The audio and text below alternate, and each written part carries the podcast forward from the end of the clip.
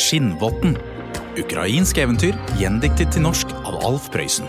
Og lest av meg, Jakob Skøyen Andersen.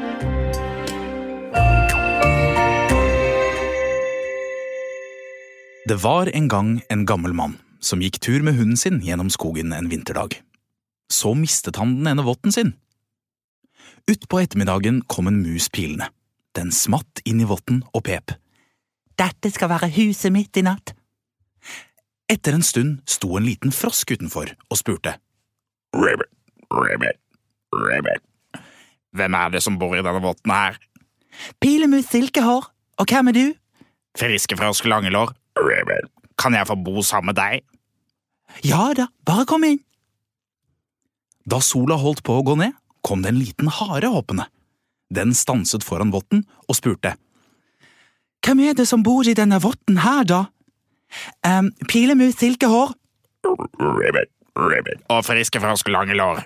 Og eh, hvem er du? Jeg er Hagemann Hopsadans, får jeg lov til å bo sammen med dere?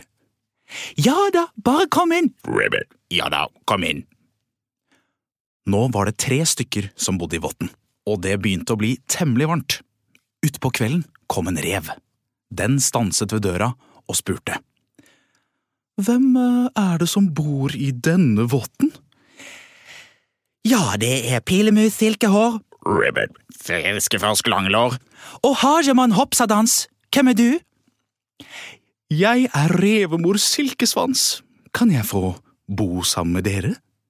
Ja da, bare kom inn. Nå satt det fire i votten og tittet ut i skogen og snøværet. Plutselig kom en ulv settende og stanset ved votten.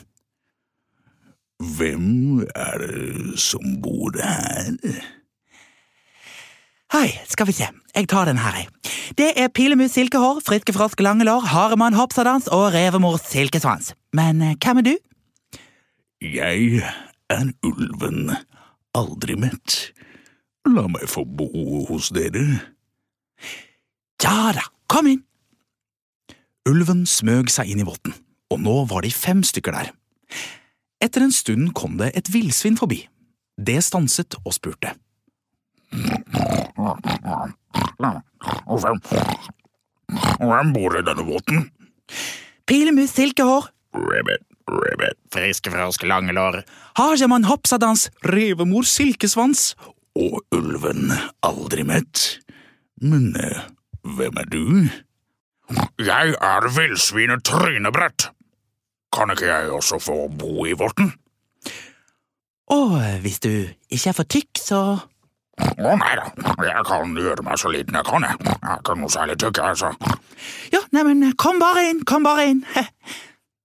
Nå satt det seks i votten, og nå var det veldig trangt. De kunne nesten ikke røre seg. Da knaket det i en kvist, og så kom en bjørn tassende. Hvem bor i denne votten her? brummet bjørnen. Ja, skal vi se, hvem bor her nå? Det er eh, Pilemus Silkehår, Ribbit, ribbit. Fiskefrosk Langelår. Hagemann Hopsadans, Revemor Silkesvans. Ulven aldri mett.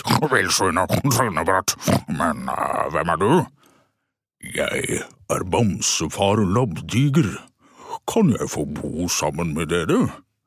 Ehm, vi, kan, vi kan ikke la deg komme inn, vi, vi har ikke plass. Å jo da, trykk dere sammen, så, så går det nok. Ok, jeg, jeg kan trykke meg sammen, da må du ikke gjøre deg så brei.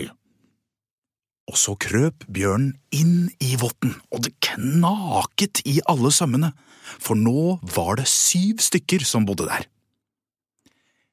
I mellomtiden merket mannen at han hadde mistet votten sin.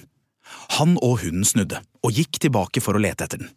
Hun løp føre, og så fikk den se noe som rørte seg i snøen, akkurat som om det var levende. Da begynte hunden å bjeffe. Og alle dyrene sprang ut av votten og ble borte i skogen.